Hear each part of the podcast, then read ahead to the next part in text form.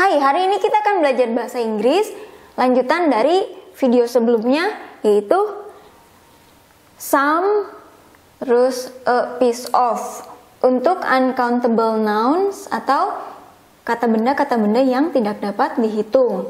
Kalau bahasa Indonesia contohnya uang atau air gitu. Kita nggak bisa bilang satu air, tujuh air, lima uang, enam uang kan nggak bisa gitu, ya. Jadi uncountable nouns dalam bahasa Inggris di antaranya ini. Kalau mau spesifik bilang beberapa pakai some, tapi nggak boleh ditambahin s. Kalau mau bilang spesifik satu bisa pakai e, tapi harus pakai piece of, ya. Nggak bisa langsung e terus kata benda atau an kata benda nggak bisa. Kalau mau pakai kata sifat ditulisnya di sini. Ya. Oke. Ini udah kita pelajari di video sebelumnya.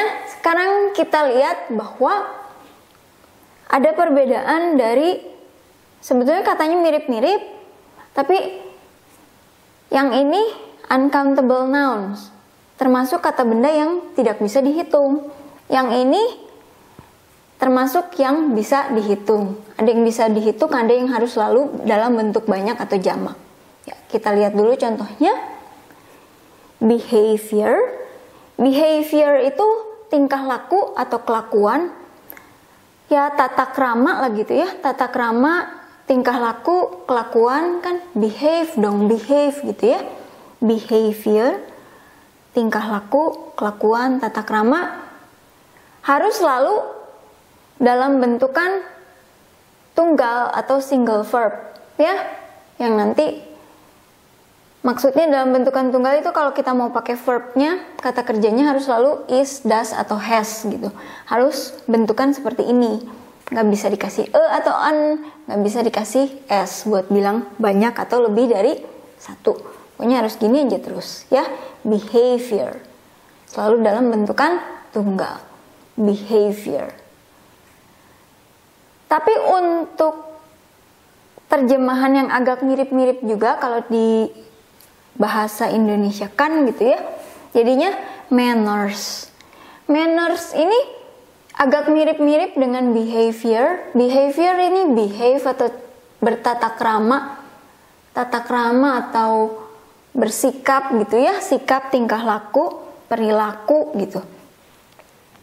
Manners ini lebih ke etiket atau etiket itu ya sama juga tingkah laku atau tahu sopan santun gitu ya.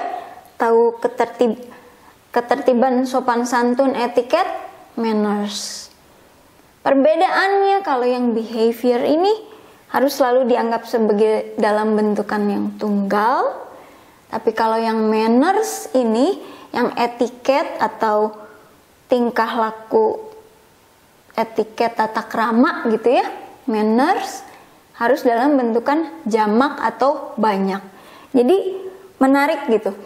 Sebetulnya masih mirip-mirip masih 11 12 tentang tingkah laku, tata kelakuan, perilaku atau tata tertib, etiket gitu ya.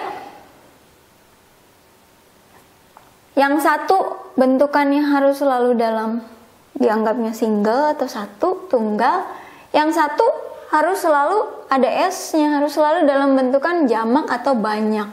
Manners, etiket, tata, tata krama gitu ya. Manners. Ini tingkah laku, kelakuan, ini etiket, tata krama. Nah, tunggal, jamak atau banyak. Sama-sama sebagai kata benda. Lagi kalau kita bilang manner atau manners yang artinya sebagai cara cara atau jalan. Jadi kalau di bahasa Inggrisnya tuh sinonimnya atau persamaan katanya way gitu ya. Way atau ways dengan cara atau dengan jalan gimana gitu. Nah, kalau bilang mannernya sebagai cara atau jalan yang sinonimnya way baru bisa terkadang bentukannya tunggal atau terkadang bentukannya jamak. Kadang bisa manner, kadang bisa manners. Kalau terjemahannya sebagai persamaan atau sinonim dari way atau ways atau cara atau jalan. Ya. Yang ini juga sama, menarik. Wheat gandum untuk buat roti wheat. Termasuk ke dalam uncountable nouns yang selalu dianggap tunggal, selalu dianggap tidak bisa dihitung. Selalu dianggap satu atau tunggal atau nggak bisa dihitung. With, nggak bisa dikasih e atau an, nggak bisa dikasih s belakangnya. Nah yang ini sama-sama gandum, oats. Tapi untuk untuk buat oatmeal, sarapan bubur gandum gitu ya. Nah, justru kalau dia selalu sebagai kata benda yang bentukannya jamak atau lebih dari satu. Yang ini nggak boleh dikasih S belakangnya dan selalu dianggap sebagai tunggal. Yang ini justru dianggap selalu dalam bentukan banyak atau lebih dari satu. Jadi selalu ada S-nya di belakangnya dan nggak bisa dihilangin. Ya, jadi perbedaannya itu di situ. Sekarang ada juga yang ini dan ini. Agak mirip-mirip walaupun nggak begitu sama lah ya. Scenery, scenery ini lebih ke pemandangan alam. Misalnya pemandangan di pegunungan, pemandangan air terjun gitu ya. Pokoknya pemandangan alam, scenery Termasuk uncountable nouns yang bentukannya tunggal atau satu, dianggapnya satu atau tunggal, nggak bisa dikasih e atau an, dan juga nggak bisa dikasih s buat bilang lebih dari satu atau banyak. Tapi ada artinya pemandangan yang bisa kita hitung, yaitu view atau views kalau lebih dari satu. Contohnya misalnya unit apartemen ini ada empat views. Yang satu menghadap ke laut, yang satu menghadap ke kota, yang satu pemandangannya ke arah mana gitu ya. Atau kamar hotel gitu. Ada viewsnya ke air mancur atau ke mana gitu. Ke city, kota. Nah, kalau view yang ini jadi view itu pemandangan gitu ya. Pemandangan kan jadi bisa kita lihat ke mana-kemana. Kalau ini lebih ke pemandangan alam.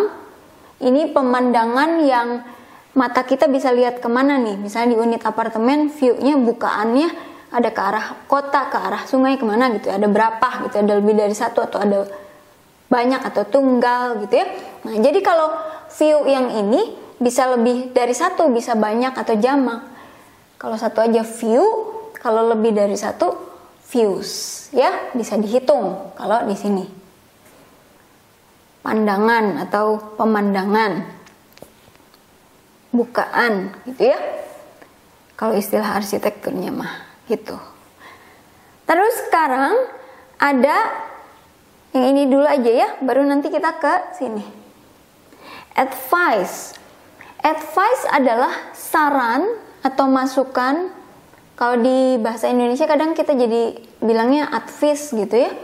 Advice saran atau masukan kalau bahasa Inggrisnya advice. Nah ini juga termasuk di uncountable nouns yaitu kata benda kata benda yang tidak bisa dihitung.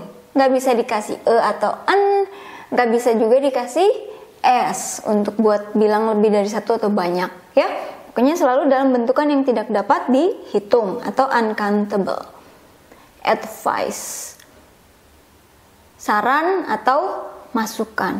Walaupun kalau di bahasa Indonesia kita suka bilang saran-saran gitu ya, kan dianggapnya bisa dihitung lebih dari satu. Tapi kalau di bahasa Inggris harus gini, nggak boleh dikasih s.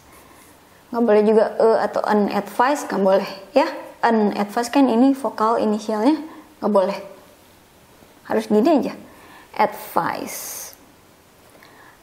Tapi ada yang mirip-mirip, walaupun ya lagi-lagi nggak nggak mirip banget lah ya. Ini kan sebetulnya beda, tapi masih sekeluarga lah, sekelompok istilahnya.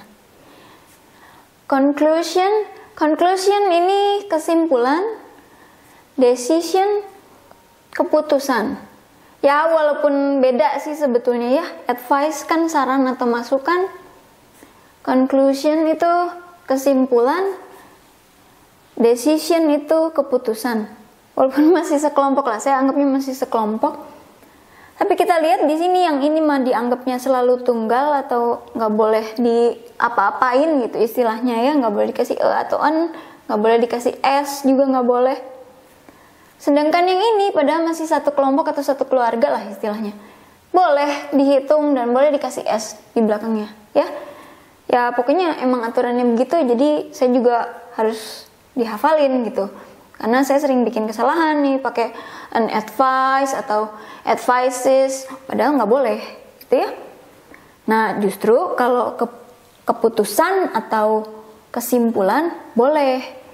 Kalau satu kan bisa conclusion decision tapi kalau lebih dari satu conclusions decisions ya bisa kalau yang ini yang ini aja nggak bisa pokoknya peraturannya gitu sekarang yang bagian sini karena ini videonya udah lumayan panjang, kita lanjut ke bagian selanjutnya aja. Ya, biar lebih nggak terlalu lama gitu. Terima kasih.